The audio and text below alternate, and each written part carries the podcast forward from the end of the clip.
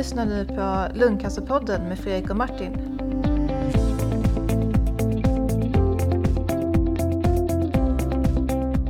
Hej och välkomna till Lungcancerpodden. Ja, ny vecka och ny lungcancerpodd. Eh, med mig som vanligt har jag eh, lungläkare Martin från ett, eh, vad ska man säga, hotellrum någonstans nära dig. Eller? Tjena Martin! Ja, någonstans nära dig snarast. Hej Fredrik! Jag är i Lund på kurs. Ja, ja. Ja, hur känns det då? Är det, är det kul kurs? Eh, eh, eftersom jag misstänker att åtminstone någon av eh, lärarna lyssnar så kanske man ska säga att den är jätterolig. Nej, men den är spännande. Det handlar om strålbehandling. Okay. Det är jätteviktigt och, och, spännande och det är någonting som för mig är väldigt nytt eftersom jag inte har jobbat så mycket med onkologi utan mer med lungmedicin tidigare. Mm. Så det är väldigt spännande. Ja, Häftigt, häftigt. Och sen så är det kul att vara i Lund för det är så himla fint här nere. Jag blir alldeles såld varenda gång jag är i Skåne. Ja, visst är det. Jag var uppe i Stockholm här en vecka och sen så kom jag tillbaka nu eh, i bara någon dag sedan. Och så bara ser man att häckarna är gröna och hela mm. botaniska trädgården är bara full och en stor rhododendron mitt i bara står i stor rosa blom. Det är helt fantastiskt. Ja, ja nej, det, så är det inte riktigt i Uppsala än, nej, kan man säga. Nej.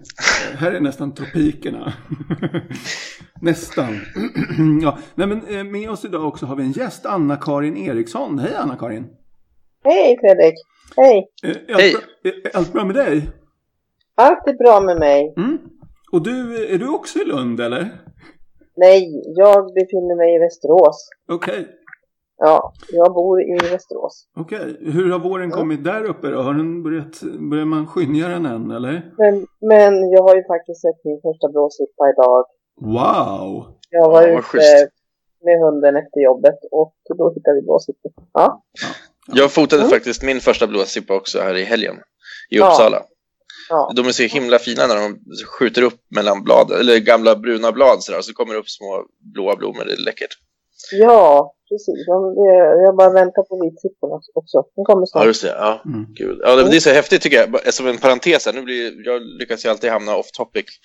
Eh, men, men eh, just att vara ute med hunden, man går ju ofta lite samma runder så där. Jag har en runda som jag brukar gå i Uppsala. Eh, och ja. då så får man liksom se hela året på något ja. sätt. Så här, det växlar så här långsamt och så får man se alla de här. Jag har ett ställe där jag brukar se huggormar. Eh, och sen så ett ställe där man ser rådjur som äter gamla nedfallna äpplen på hösten. Och sen så blåsippor och sånt där. Det är jättehäftigt. Ja, men så är det. Då har man verkligen möjlighet att följa naturen. Ja. Mm. Mm. Ja, precis. Vare sig man vill eller inte. För de där eh, vintermånaderna eller vinterkvällarna klockan 11 där när man är ute och kissar hundarna. De är ju, ja, de är sådär tyckte jag. kan vara så ibland. ja, just det. Ja. ja, så är det. Man får ta både det som är bra och dåligt. Ja. Eh, men Anna-Karin, eh, låt höra lite om dig då. Vem är du och vad, vad, vad, vad, vad jobbar du, du med och sådär? Berätta! Jag, eh, jag heter Anna-Karin, bor i Västerås. Jag är 54 år gammal eh, och eh, jobbar som socialsekreterare i Hallstahammar som ligger två mil utanför Västerås. Mm. Jag arbetar med träningslägenheter, alltså bostäder med social, sociala kontrakt. Eh, det är inte alla som kan få en lägenhet idag. Det är bostadsbrist som alla känner till. Då, men, men här handlar det om att man har sociala problem och inte är kvalificerad att få en lägenhet. Och då kan man få det via socialtjänsten om man uppfyller de kriterierna. Och så, där. så det sysslar jag med. Ah, okay. Mm. Vad, vad, eh, och sen så hände någonting för, för ett tag sedan att äh, du gick till läkaren. Och, vad, vad, vad, var det som hände då? Precis, men jag kände, jag kände mig eh, trött. Jag, jag tyckte att jag var trött på ett sätt som jag kände igen utifrån att jag någon gång tidigare har haft blodbrist. Eh, så. Så, så jag tänkte att det är bäst att jag går och kollar det här för att Eh, för då var det enkelt åtgärdat. Jag fick järn och sen så var det bra. Eh, så jag tänkte att jag går till läkaren. Eh, och så gjorde jag det. Jag gick till min husläkare. Eh, och hon är väldigt eh, seriös och väldigt noggrann. Så att hon tog alla tester hon kunde. Och hon sa att jag vill lyssna på lungor och hjärta och ja, det här vanliga. Och så sa hon att det, Anna-Karin, jag vill att du röntgar dina lungor för det, det, det låter knepigt där. Det, det är lika bra att du gör det på en gång. Och ja, på den vägen så, så fick jag åka och röntga vanlig, vanlig röntgen då på sån här eh, drive-through höll jag på att säga. Där man bara får in och röntga och så får man svaret en dag senare. Ja, just det. Ja, precis. Och så fick jag det svaret. Eh, och då ringde hon och så sa hon att nu måste det, de ser någonting där. Det finns, ser någonting, det ser konstigt ut så vi behöver göra en, en datortomografi av dina lungor också. Så att du har tid för det imorgon. Det här gick ju väldigt fort. Eh, ja, och så fick jag göra det och sen så fick jag komma. Sen ringde hon till mig och sa hon, ja, Anna, jag vill att du kommer hit. Men vi har ju, var, för det var influensatid, det var på hösten. Så vi har vaccineringar så det är jättemycket folk. Så du får koden här så får du gå in bakvägen. Och då fattar ju jag. Då förstod ju jag, för jag, någonstans hade jag, ju- var jag orolig såklart. Mm. Men då sa hon att du får gå in bakvägen. Så fick jag gå in bakvägen och så sa hon att ja, det, det, det finns någonting i dina lungor så där som behöver utredas värre. Mm. Eller utreda, utredas mer då. Så att Mm. imorgon har du en tid hos lungmottagningen. Så. Och då visade det sig att det var lugnt. Vad, vad, vad tänker man då liksom? Vad, var det något du hade i, eh, att du anade att ja, nu är det något liksom? Inte när jag sökte, men när, när det var sånt här fokus och när det var så bråttom. Mm. eh, att det gick så fort och sen när hon eh, när det här erbjudandet kom att du får koden, du får gå bakvägen. Att det var ju omtanke alltihop men, men jag tänkte att då förstod ju jag att nu är det allvarligt. Eh, såklart. Så. Mm. Eh, och det var det ju. Och det, det, ja, det är svårt. Hur tänker man då? Jag vet inte. När jag kom ut de här två besöken var jag, var, då var jag ju ensam. Jag hade ingen med mig. Så jag, jag, bara ringde upp mina barn och sa det. Jag har någonting i lungorna. Vi fattar inte. Så, då. Man gör inte det. Det tar ju ett tag att ta till sig. Ja, ja, just det. Mm. Vad, vad hände sen då med jag menar, närmaste familjen och sådär? Hur, hur eh, det, jag menar man blir ju, jag vet ju själv när jag fick mitt besked att det blir liksom det som hela världen vänds upp och ner. Var det något liknande för dig att, att eh, eh, det liksom, eh, det, det är ju en jobbig situation liksom. Vad, vad hände? Ja, det ställs ju liksom på sin spets på något vis. Det blir väldigt märkligt för det är ju... Eh, ja, man blir ställd helt enkelt. Mm. Och sen tror jag, eh, vi har ju de här, man befinner sig i chockfasen här, Mm. tänker jag. Eh, även om man vet att risken finns. Menar, jag har rökt länge och sådär, så man vet att risken finns och sådär. Så, men ändå så tänker man ju, eh, ja, som alla andra människor, att det, ja, men det händer nog inte mig. Mm. Mm. Så funkar ju vi människor. Men Det lät ju som en otroligt snabb handläggning ändå, måste man säga. Om man, Ja, det, det var ju föredömligt, även om det så att säga gör att man kanske då på sätt och vis förstår att, att det kan vara någonting allvarligt som, som ligger i grunden så, så är det ju ändå så att eh, ja, det, det är ändå fantastiskt att man kan prioritera handläggningen på det sättet. ja att det jag går så jag, snabbt. jag, precis. Jag försöker lyfta det här. Vi pratar ju mycket om det här eh, SVFen. Och det här var ju före SVFen. Det här var ju på hösten 2015. Just det. Eh, så, att, så att jag tycker att det var, ja, det var föredömligt, verkligen. Mm. Så. Precis. Du, ja, du sa att du hade, du hade rökt länge. Och var det liksom någonting som... Eh, eh, var det någonting du tänkte på då? Att eh, oj, det här är nog eh, liksom rökrelaterat eller? Ja, alltså jag har ju rökt i 33 år. Jag har en mamma som har rökt i hela sitt liv också har KOL nu. Så Det Mm. var väl kanske närmast det jag tänkte på, eller som jag tänkte att det kommer jag säkert åka på också. Mm. Nu har jag varit rökfri i tio år. Eh, Jag hade alltså varit rökfri i, i nio år då när jag fick en cancer.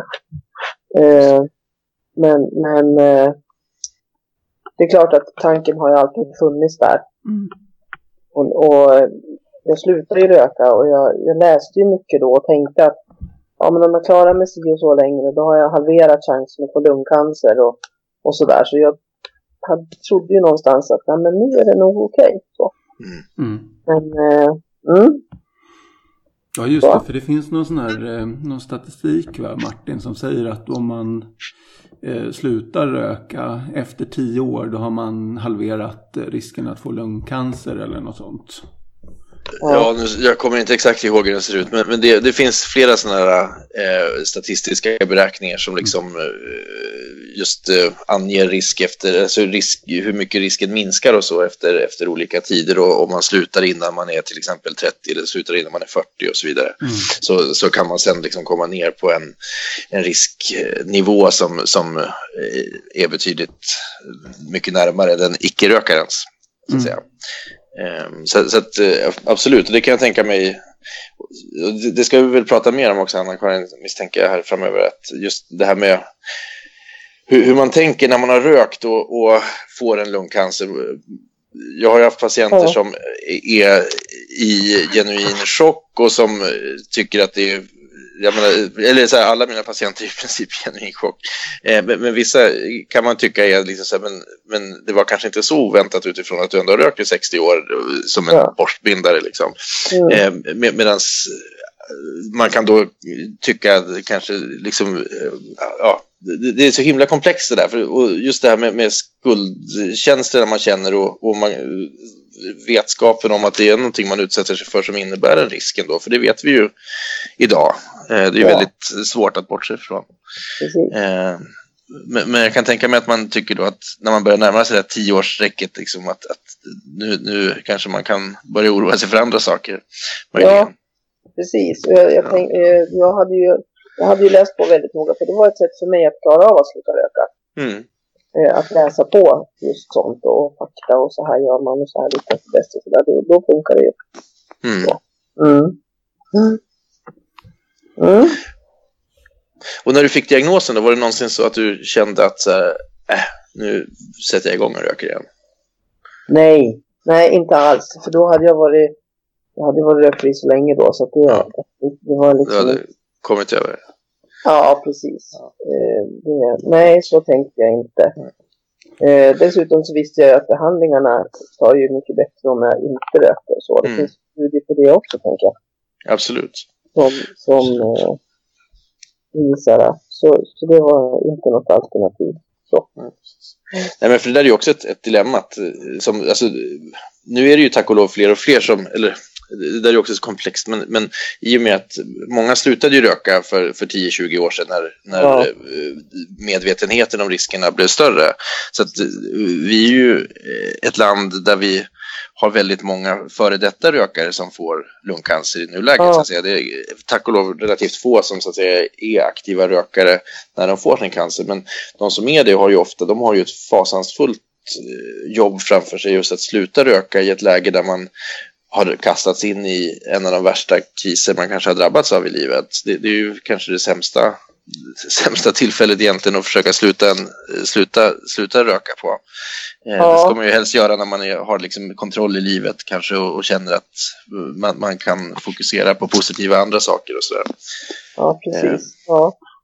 Det är nog kanske inte alldeles lätt eh, om man befinner sig i chockfas och Nej, sådär. precis. Och, och det, ja, verkligen, det, må, det måste vara det är ännu jäkligare såklart. Ja. Eh, än vad det är ändå, för det är ju tufft att sluta. Jag vet inte, hur gick det för dig när du slutade röka? Ja, Men det gick bra. Jag försökte ju många gånger, men jag försökte, jag försökte många gånger på egen hand. För jag var sådär att jag tänkte att nej, men jag ska inte ha nikotinplåster eller något sånt där. Jag ska inte Mm. ersätta, jag ska klara det här själv liksom sådär. Och det funkade, Lutheransk? det, ja, det funkade aldrig. Ja. Nej, utan när jag tog hjälp, när jag ringde Sluta röka-linjen eh, och när de berättade för mig att ja, men testa det här plåstret, byt i sex timmar och när jag läste allt jag kom över om hur jag skulle göra, då funkar det Mm. faktiskt. Och då var jag sådär, då blev jag sådär slaviskt manisk istället. Så då skrev jag till och med på plåstret vilket klockslag jag skulle byta det. För att jag inte skulle riskera att bli utan. Och så, så där höll jag på och det, det fungerade då. Så, Kul, Härligt. ja. Nej, men, och det är väl många som vittnar om det. Att just, var det någonting annat i livet också som gjorde att du kände att nu räcker det? Liksom, eller? Ja, Jag började ju träna också. Jag upptäckte ju den sidan också. Ja. Eh, Och tyckte att det var, det var roligt och det var, det var jättemycket och sådär. Så att, eh, ja, det var en, en livsstilsförändring där. Ja, just Mm. Nej, men, och det går ju. Det, det, det vittnar ju, de som slutar röka säger Ja. att, att eh, många liksom är ju nästan lite paffa över att var det inte svårare än sådär, eller säga. Ja, precis. Eh, men det ska väl ofta till då att man kanske har lyckats kombinera det med en livsstilsförändring på något sätt som gör att, att man hittar andra, andra saker att eh, förhålla sig till eller liksom kunna eh, andra Ja. vanor eller Ja. ovanor. Precis. Och sen hade jag, jag hade ju också mamma i närheten då med, med kärlkramp och KOL. eh, Och väldigt, så jag hade ju ett, ett dåligt exempel. Mm. Vad man nu ska säga. Jag älskar min mamma, inget ont om henne. Men, men hon var inte frisk, eller hon är inte frisk. Nej. Så, efter många års rökning. Ja, ja, lite, lite statistik på det där. tror jag. En, eh, 1960-70-talet så rökte 50% av männen. Och idag så röker 9% av männen i Sverige då. Eh, och sen eh, ja, 1960-70 då så rökte ungefär 33% av kvinnorna. Och idag röker 11% av kvinnorna. Mm. Eh, Så det är Ja. alltså fler kvinnor i Sverige som röker ehm, som det är just nu då. Eh, Och det är också fler kvinnor som får lungcancer tror jag va Martin? Eh, Alltså det brukar ligga ungefär 50-50 sådär, men, men kvinnor har ju varit på uppåt, deras trend har varit uppåtgående så att säga. Det har blivit fler och fler, och fler kvinnor, så att de har kommit ikapp männen. Så att nu de senaste åren så har det varit eh, ja, nästan så att kvinnorna har legat lite över sådär, men, men det är i princip 50-50. Eh, men men det, det kommer nog vara så att kanske en majoritet är kvinnor som drabbas här de närmsta åren. Okej. Eh, Sen beror det lite gran på också för att det- förändras ju så snabbt. De här. Det, det, är ju en lång fördröjning såklart på, på att från att man börjar röka till att man får en cancer. Ja. Eh, Men, men sen så ser vi till exempel på med, med invandring och sådär så kommer det nya grupper som har en helt annan rökkultur i, i sina länder. Alltså där, där man har den här sluta rök-kampanjerna inte, inte hade dragit igång eller inte har dragit igång än på samma sätt som det har gjort i, i norra Europa eh, och ja, väst. Eh, Sådär. Och, och det kan säkert också delvis påverka, det tycker jag man, man, man ser lite grann hos de patienter som, som vi ser nu att, att det är en inte obetydlig andel personer som, som har ursprung i andra länder och som, som kommer från en mer rökliberal kultur så att säga. Jag vet Ja. inte hur det kommer påverka statistiken men, men det är klart att det kan påverka lite grann. Det kan Ja, nog så- också påverka framtida rökvanor kan jag tänka mig. Alltså, eh, barn till rökare har ju en större, större risk att röka själv och så. Absolut, jag var ju passiv rökare innan jag började röka. Mm. Så, jag, jag funderar mycket på det här med, med, med våra nya svenskar. Hur, hur ja, jag tror att det... Men det är viktigt att nå ut där såklart. Med, Ja, för absolut. det är ju en sån enorm hälsovinst att, att inte behöva inte behöva börja röka. Jag, Ja. ska, ju- jag är ju själv nikotinist, ska jag villigt erkänna. Eh, Men, Ja. men tack och lov så, så är jag från Norrland och spelade handboll och då var liksom rökning inte, inget alternativ. Däremot snusning var liksom i princip obligat. Mm. Eh, Så, att, så jag har ju snusat sen, ja, jag vet inte vad jag var för B-pojke eller någonting om man var 14-15 år. så liksom introduceras man till, till snuset på eh, träningar och sådär. Tyvärr, för det är ju ett jäkla gissel. Eh, även om ja, jag, precis, jag har precis avslutat ett nytt försök att sluta. Eh, Eh, Okej. som var Okej. relativt framgångsrikt, tre månader. Men, men sen så sa min fru åt mig att börja igen för att hon tyckte jag var så jobbig. Ja, okej. Ja. Su- Suget sl- släpper aldrig efter snus. Nej, det alltså, är märkligt. nej, alltså det är ju, men det är väl säkert samma, det, det här själva, det, det fys, den fysiska abstinensen tycker inte jag är jätte, alltså det, med, med moderna nikotinpreparat och så vidare så kan man överstå den ganska hyfsat. Jag fick eh, Ja. artro, eller någon form av ledinflammation i käken för jag tog alldeles för mycket tuggummi. Eh, men, men, men med lite plåster och sådär funkar det. Men, eh, Ja. Sen så är det just den här saknaden som kommer sen. Att, att Ja. det, det gör sig påmint. Och det där måste man kunna ta sig igenom. Och det tar ju många år, så det kan jag tänka mig. Ja, Eh, och så just med snusning så är det ännu lite svårare också eftersom det är så, så lätt att dölja. Jag snusar ju Ja. dygnet runt. Och, nej, inte dygnet runt, det ska jag inte säga, men, men nästan. Ja. 18 timmar av 24. Men, men det där kommer jag ihåg, det där just med det här med att det var inte lika roligt att äta god mat Mm. när jag slutade röka. För att, och det var inte lika gott med den där koppen kaffe. Så. Ja. Det är ju sånt Nej, där det, som... som, som påverkar. Verkligen. Ja, nej, Mm. och det, det är ju jäkla tragiskt. Alltså, så att, kan man skydda barnen från att börja så är, har vi ju kommit en enorm Ja. på väg. Såklart, Mm. för att vi, ju- man är ju lite förlorad. Framförallt tror jag snusarna och rökarna har väl fått ett ökat tryck på sig. Liksom. Sen så är det ju faktiskt så att snusning har jag inte riktigt lyckats bevisa är cancerframkallande än. Även om jag tror att, tror att det är det så, så har man, jag har försökt tjata på kollegor som gör näsa halsdoktorer och så, kom igen, visst får man väl ändå cancer av det. De, men det, det finns ingen studie som visar det, så jag har liksom inte liksom fått ihop de här... Eh, det, det finns någonting om pankreascancer tror jag, men, men eh, Mm. det, det är ju så himla ovanligt så att den, risken... Ja. Eh, ja. Det händer ju inte mig. Nej, nej, just det. Nej, det precis. Ja, precis. Det säger ju någonting om, det, det säger ju någonting om, om, om eh, kraften i det. Om man tänker att ja, det här orsakar nog cancer, men ja, jag slutar inte. Ja. Det Nej men absolut. Rökare, så är det ju. Nej, men, och det ska jag säga, eh, apropå, vi har ju eh, diskuterat den här frågan lite grann tidigare, Karin, vi kanske kommer in på det senare också. Ja. Eh, men, men att just det att, att jag faktiskt ändå har erfarenhet som nikotinist tycker jag att jag har haft väldigt nytta av i, i mitt jobb som lungcancerdoktor. Att, att, att jag tycker man kan prata rökning och nikotin med lite större eh, ödmjukhet och även på ett sätt som gör att man kan mötas i det på ett bättre sätt tycker jag Ja, med, med patienterna. Eh, de, annars så, de har ju, de flesta rökare har ju mött eh, liksom otaliga eh, dömande doktorer i sina eh, rökningskarriärer. ja, Eh, och jag vill inte, jag ska inte säga att jag inte, att jag inte, jag, jag, jag, jag säger ju också att rökning är farligt och så vidare, men, men Mm. jag, jag kan nog eh, kanske ha en viss annan approach till det. Vad säger Ja, Anna, Anna-Karin? Har du mött stigman, eh, liksom stigmat det här, eh, ja men ha du rökar, du får skylla dig själv eller liksom har du, eh, har du liksom det är ju ingen som har sagt det rakt ut, men, men visst, visst, visst är det så. Jag, jag, tyck, jag upplever att det är så, men jag har, tycker inte ändå att jag har mött det inom vården. Eh, så, men det, det kanske beror på att jag inte har... Eh, jag har inte varit rökare under min lungcancerresa. Mm, Eh, så att jag får en fråga, röker du? Nej, och sen eh, pratar man inte mer om det. just det. Eh, så. Men hade jag varit rökare så, så, så hoppas jag ju, tänker jag, att man har tagit upp det från Mm. vården. Men, men däremot mera från, från omgivningen och andra människor och sådär när jag berättar att jag har cancer så, så är alltid den första frågan är men har du rökt? Mm. Eh, ja, så ja, det har jag gjort. För jag, jag eh, tänker inte liksom hymla med det längre. För det är så, jag har rökt länge. Mm. Eh, och eh, då är liksom diskussionen slut sen. Då är det ingen som säger någonting mer. Utan har du rökt och sen blir det tyst. Mm. Och den där tystnaden, sen kan, mycket av det kanske ligger hos mig. Men, men det är flera som upplever att den där tystnaden blir som att ungefär som att skylla dig själv. Ja. Eh, och det säger man inte till någon som har eh, någon annan cancer. Det är sällan någon annan får höra att men har du ja, gjort det eller det eller gjort Ja. det eller det. Och rätt Ja, mycket kött och så eh, tar Ja, cancer eller sådär.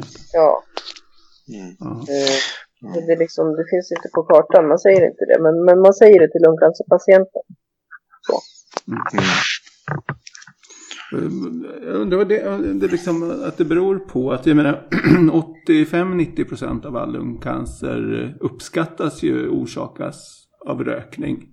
Ja, Ehm, och, eh, men det, jag menar, rökning orsakar också risken för cancer i munnen, i svalg, i strupen, magen, bukspottkörtel, tjocktarmen, ändtarmen, urinblåsan, njurarna, livmoderhalsen. Alltså det bara, man, om man letar de där artiklarna på internet, det- då, de här, det här har jag hittat på cancerfonden.se och på cancer.gov som jag brukar titta på efter fakta. Men man ser liksom att, jag menar, det är rökning, det är, alltså röker man då kan man liksom få cancer överallt. Så att, Ja, eh, ja. Men det är klart det finns ett tajt samband med just lungcancer. Så att, eh, Mm. ja. Men, men kan det inte ligga en, en, en del av, av det här stigmat ligger väl kanske lite grann i de här kampanjerna som jag har fört mot rökningen också. För det, alltså det, det har ju varit en desperat kamp för att få folk att sluta röka. Vi har ju liksom eh, man, man eh, hänger ju upp bilder som är fullständigt groteska för Ja. att skrämma folk att inte börja röka. Jag, jag kan ju tycka att det finns en poäng i det. Va? Att, att vi måste göra allt för att få människor att inte, sluta, att inte börja röka. ja. Eh, Men samtidigt så skapar det ju också bilden av rökaren som, som lite dum i huvudet. Alltså, att, hur fan kan du röka när du ser på varenda paket du röker så ser du att en bild på någon ja, cancertumör eller, eller vad det kan vara. Eller, jag menar, det här är ju där någonstans så, så föder man ju också kanske en, en ja, lite vi och dem situation. Att, att rökarna står ut med, med det där, och, men de gör det ändå. Jag, jag kan ju bara relatera till mitt eget snusande då, att det går ju väldigt snabbt från att det kommer något larm om att det är farligt till att man har hittat en, en eh, sätt att, att förklara bort det. Eh, och det tror jag ja. väl, det är väl samma sak att när man inför någon ny bild på ett på ett cigarettpaket så blir man ganska blind som rökare för det också efter ett tag. Och jag kommer ihåg när man var ung så tyckte man ju snarare att det var tufft att man dog av rökning. Det var ju en del i liksom hela rebellskapet ja. kring, kring rökandet. Eh, så, så att som rökare så är man ju på något sätt indoktrinerad i en i, i, att inte bry sig om det där eller att inte ta till sig det för man är fast i det. Det är ju ett beroende. Det är, det, det är ju faktiskt en... Eh, det, det, som andra beroenden så är det ju faktiskt i grund och botten en, en sjukdom även det så att säga. Ja, det är ett starkt beroende. Ja, men, men, men så att det, det kanske kan delvis ha bidragit till, och så just det att vi har haft så otroligt dåliga mediciner tidigare också, eller otroligt dåliga, men, men, det var ju väldigt sent som vi kom igång med någon effektiv behandling om man säger så. Ja. Eh, så, så, så kan det också ha funnits det här att, att eh, man, man lite grann såg eh, den cancerdrabbade rökaren som, som eh, en förlorad, det är ett förlorat, förlorad person på något sätt som, som eh, ja, man, man man, man försvann åt, åt i statistiken lite grann. Mm. Ja, ehm, precis. Så, så på det sättet kanske man har, har skapat den här äh, stigmatiseringen som, som faktiskt drabbar då de som, de, de som får sjukdomen och som har rökt. Ja, jag, jag tror att det, att det absolut bidrar.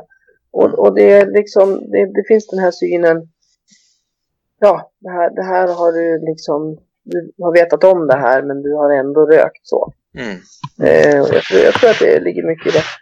Eh, och, och det, det är ju tråkigt tycker jag för att man får ju inte folk att sluta röka. Och de som röker och har lungcancer de vågar knappt andas om att de har rökt. Mm. Så. Eh, vilket är jättesynd därför att flera borde kunna stiga fram och säga eller man måste våga kunna prata om det i alla fall. Mm. Om, om, jo, vi inte pratar, om vi inte pratar om det och sådär och inte, man inte får se patienter som har rökt som har lungcancer, då är det precis som att det inte finns. Mm. Eh, och vi måste ju visa faran med rökningen. Absolut, och, och, och, visa att, och nu är det ju faktiskt så att, det, det är ju någonting som man också, tidigare så har ju de stora framstegen framförallt gjorts för de lungcancerpatienter som inte har Eh, rökt så mycket, alltså de som har haft de här mm. drivande mutationerna så, det är ofta de som inte har rökt så mycket. Eh, ja. Men nu så har det faktiskt kommit stora framsteg även för de patienterna som, som har rökt mycket och att där, där tidigare rökning så att säga nästan gynnar svaret för nu ska man inte säga att man ska röka, röka mer för att få ett bättre svar på medicinen men, men just i det här fallet förut så har det varit så att de som har, de, de som har haft mycket rökning i bagaget de, de har oftast haft lite sämre prognos men just med de här medicinerna så kan det faktiskt vara så att man svarar lite bättre. Ja. Ehm, så, så, att ehm,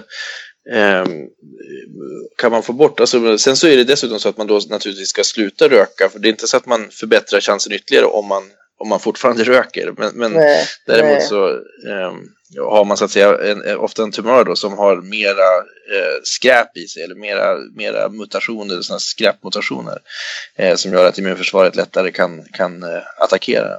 Ja, ehm, men, men, jag, men jag tror att det är viktigt just det här att vi får liksom inte vi måste stigmatisera rökning för det är livsfarligt ja. och det, det, drar resurser från samhället och från, det drar eh, så mycket eh, lidande från, från människor. Eh, så det, det, måste vi få bort tycker jag. Och jag tycker att det är gåta att man inte lyckas ta ett beslut att man ska förbjuda rökning. Det är ju helt galet att vi inte kan göra det. Eh, även om jag låter som en konservativ UF när jag säger det. Men, nej, men jag tycker ja. att, att det, det, det är det är skandal att vi i, i, en värld med så mycket elände tillåter tobaksindustrin att exploatera de länder som kommer att ha jätteproblem med ekonomin framöver på grund av rökrelaterade sjukdomar. Det är ju fullständigt galet. Ja. Eh, Ja. Men, vi, men vi får inte stigmatisera sjuka rökare för det, utan de är ju offer för, för eh, en industri som har exploaterat deras, ja, eh, deras mänsklighet, så kan man väl säga. Ja, Kanske. precis. Är det så också att forskningsbranschen är, är eh, eller vi ska säga så här, eh, bara lite hard facts innan. Att eh, om man jämför lungcancer med eh, bröstcancer, det här är ju tråkiga siffror då, men eh, tänk nu på att det här är statistik och du är inte en del av statistik, eller ni som lyssnar är inte en del av statistiken, utan det här är ju det är statistik som sagt. Statistik är statistik. Så eh, under 2016 här så dog eh, eh 1404 stycken i bröstcancer jämfört med 3647 stycken i lungcancer. Eh, och om man tittar på forskningsanslagen som har kommit från eh, bara Cancerfonden då, för det är ju de som faktiskt bidrar till den största delen av forskningen eh, i Sverige. Så eh, om man räknar per individ, då blev det alltså 41 667 kronor per bröstcancerdöd och 2852 kronor per lungcancerdöd. Och det är ju väldiga liksom eh, 41 000 mot 2800 eh, kronor i liksom forskning per liksom död individ. Och det är, jag menar det är ju väldigt eh, väldigt lågt. Och jag vet att det, det är svårt att hitta liksom forsk, eh, folk som vill forska på just lungcancer. Eller det vill i alla fall vara vad man Ja, säger. nej, men det är väl, jag, jag Ja. tror att det är en, det är väl, tyvärr så, jag, det, det har ju gått åt, ändå åt rätt håll så att säga. Det, jag skulle Mm. tippa på att vi låg betydligt sämre med den där fördelningen för tio år sedan. Mm.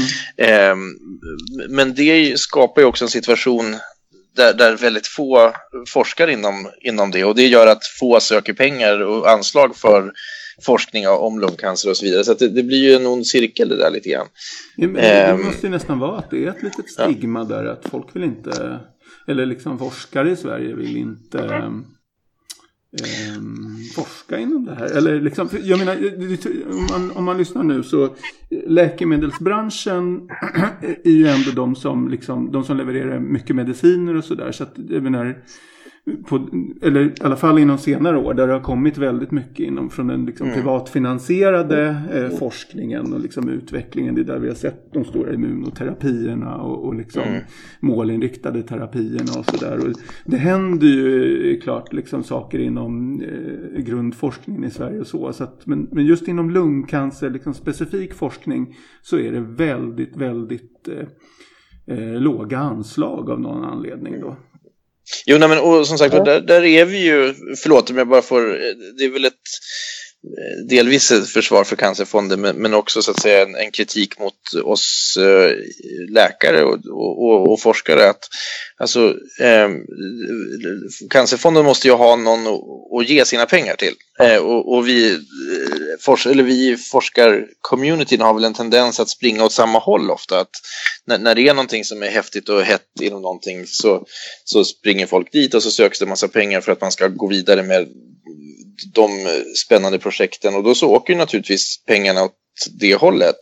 Eh, och, och ännu fler forskare samlas kring, kring de där projekten. Och, eh, och, och sen så kan det, har det varit då traditionellt sett inom vissa, vissa eh, kategorier av, av eh, eh, tumörsjukdomar till exempel, där, där bröst har varit en sån. Och det, det finns nog många förklaringar till det. det bland annat så de här stora screening eh, undersökningarna som kom, kom tidigt just inom bröst. Och det har att göra med att bröst är relativt, eh, det låter kanske konstigt, men är relativt lätta att, att eh, undersöka och eh, så att säga, man, man kan hitta tumörer och åtgärda tumörer relativt förhållandevis enkelt om man jämför med tumörer som sitter inuti kroppen mera. Alltså Ja. mera undangömt kan man väl säga. Mm. Eh, Så att det finns nog många, många skäl så att säga. Men, Jag är inte alls ute efter att liksom, eh, sätta dit någon i det här. Utan det är bara liksom hard facts som jag tycker är liksom. Och, och jag tror att om man hade, eh, om man hade gått efter liksom statistiken. Var dör flest av cancer och liksom det här. Då hade man kanske eh, satt, satt ut eller fördelat sina totala anslag utifrån det. Så hade man fått liksom att ja, men inom lungcancer ska vi dela ut så här mycket stålar. Eller det här finns att hämta så att man, så att man liksom styr forskningen mer. Eh, än att låta forskning, forskarna bestämma själva. Liksom. Precis, jo, men det hade nog gjort att, att det hade kommit smarta forskare som hade insett att det där området är lite oexploaterat, dit ska vi och det hade styrt över forskningen mer dit. Mm. Det tror jag definitivt.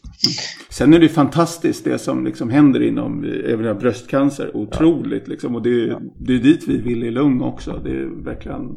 Jo, och jag menar, ofta så kan man ju applicera framgångar från ett fält till ett annat, va? så det är inte så att det är för, för en patientgrupp på något sätt är, är liksom bortkastade pengar inom situationstecken utan det är ju, dels så hjälper det ju Eh, en drabbad grupp och dels så eh, genererar det möjligheter till framsteg även för andra diagnosgrupper. Så, att, så att eh, det är definitivt så att, att det, man vill ju öka anslagen ännu mer tycker jag till forskningen eh, om det går. Eh, så att fler kan få, få nytta av den. Mm. Sen så ska vi komma ihåg att, att det finns ju andra, eh, och, det är ett jätteproblem, alltså de här tumörgrupperna som inte alls är så stora, för det, det är lätt att, att, att, säga, det blir väldigt tydligt i statistiken att vi är den tumörgrupp som, som eh, representerar flest dödsfall till exempel per år i Sverige och i världen och så vidare. Det, det, det, man förstår att här måste vi satsa naturligtvis.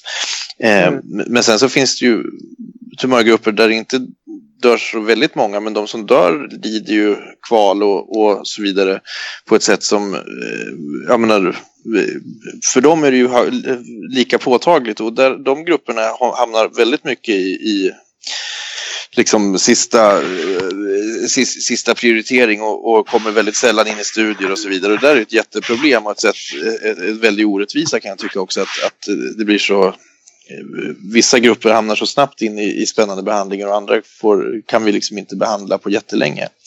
Det måste vi hitta sätt att, att komma runt också för jag tror att med de nya terapierna så kan man på ett mycket säkrare sätt säga utifrån en, en till exempel mutationspanel och, och immunpanel och, och, genom att karaktärisera tumörerna så kan man nog säga att den här patienten som förvisso då kanske inte har en urinblåsecancer eller lungcancer eller vad det kan vara men har en, ett mesoteliom till exempel som är en ovanlig cancer men, men med väldigt hög, eh, hög, hög dödlighet.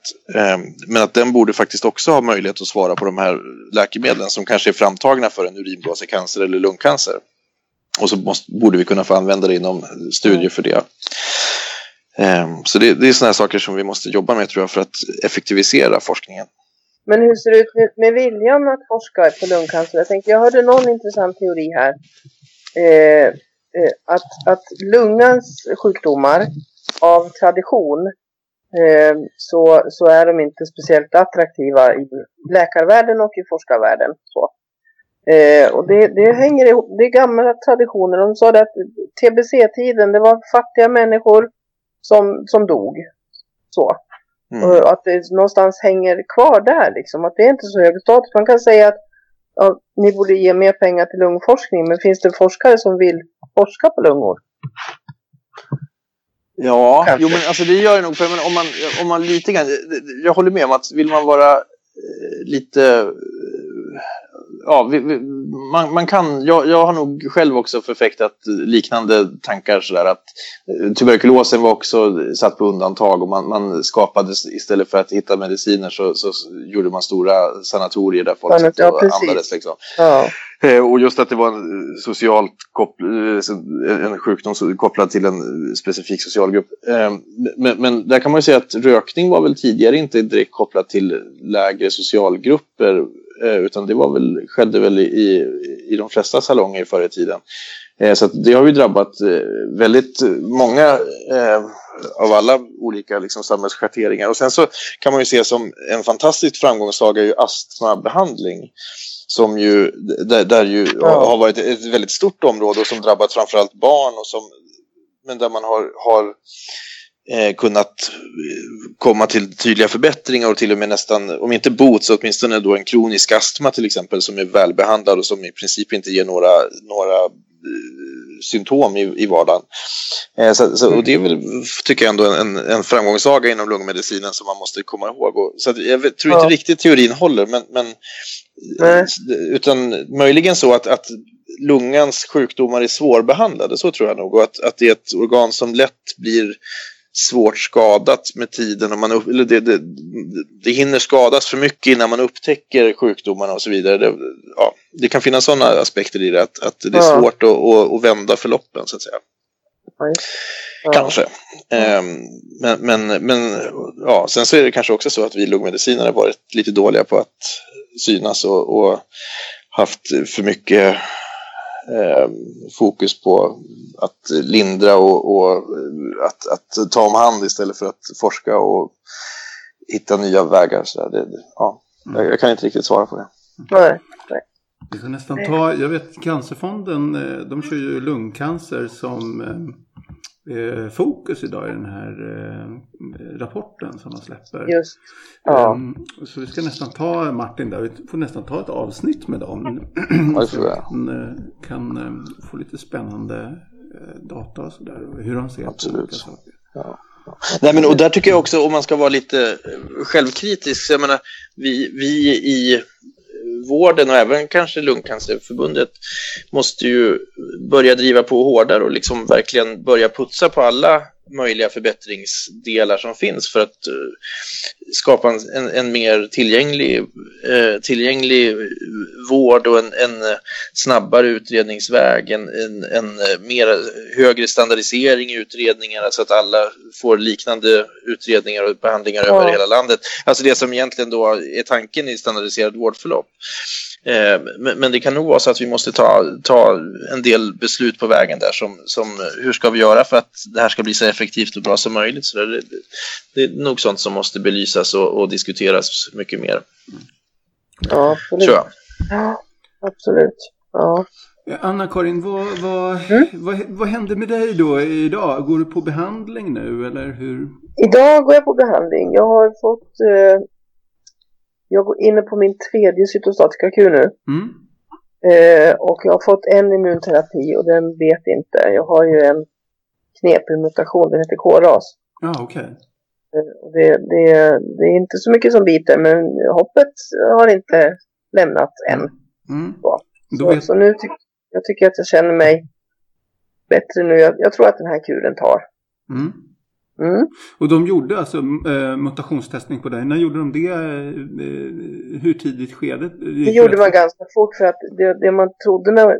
Alltså jag opererade ju bort min tumör och sen sa de att dig räknar vi till en av de som vi har klarat. Mm. Eh, och sen var det någonting som gick snett där i operationen så att lungan läktes aldrig sådär. Så att jag var tvungen att operera igen eh, innan jag kom igång med mina cellgifter. Men, men eh, så det första testet tog man ju på första tumören då. Mm. Man opererar bort den. Så. Och sen har man gjort det nu igen då för att man desperat letar efter någon mer gynnsam mutation. Mm. Eh, så. Men, men eh, det, har, det visar ingen annan mutation. Ja. Eh, så. Nej. Men, men eh, jag tror att, att eh, ja, men tiden går och det går ju som sagt var framåt nu.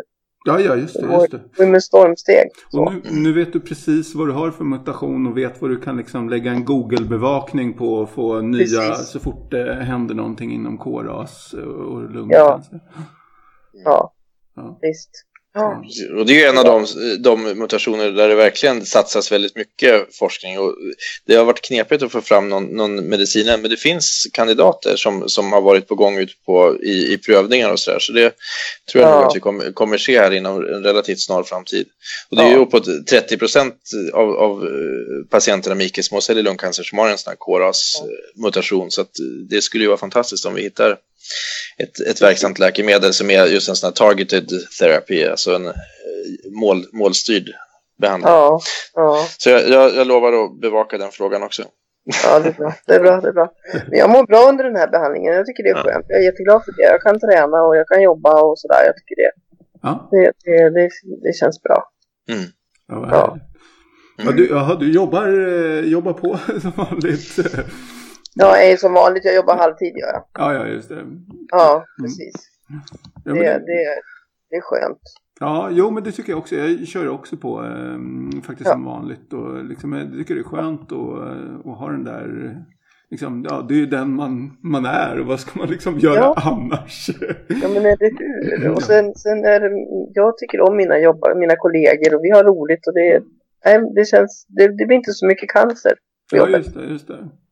Så. Ja. Det, Ja. det, så är det. Fantastiskt. Ja, verkligen. Jättekul, Jättekul. Att, att ha pratat med dig idag, Anna-Karin. Och, eh, väldigt intressant. Jag tycker de här diskussionerna vi har haft runt eh, rökning och liksom det stigman. Och det, det har verkligen varit ja, spännande, får man säga. Verkligen. Det är spännande och, och jag är glad att vi lyfter det. För jag tänker att det är många som sitter... Jag pratar ju med människor som, som har lungcancer och som har rökt. Och de säger att man törs inte ens säga det. Ja. Och folk, folk sitter och mår dåligt. Och det kan man inte göra med någonting här i livet. Man kan, man kan ångra och man kan tycka att ja, det var väl jävla dumt. Mm. Men eh, nu, nu, nu vet jag det här och nu är det så här. Då får man utgå från det liksom någonstans. Mm.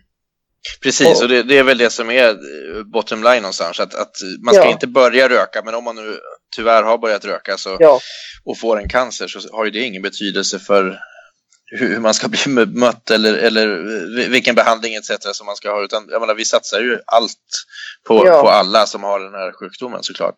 Eh, och det ska man ju vara det är väldigt trygg med. Eh, och vi, vi måste Ja. se till att, att stigmat eh, tvättas bort. Här på sikt. Så jag, jag är också jätteglad över att du har tagit upp den här biten. Det, det, jag håller med om att det, det är någonting som vi kanske missar ibland. Att, att, eller vi ofta, vi missar det ofta att, att ta upp just det här med rökning och eh, den situationen som det kan innebära att, att eh, ha den här eh, känslan av att, att folk nästan tycker att, att man får skylla sig själv lite grann. ja precis.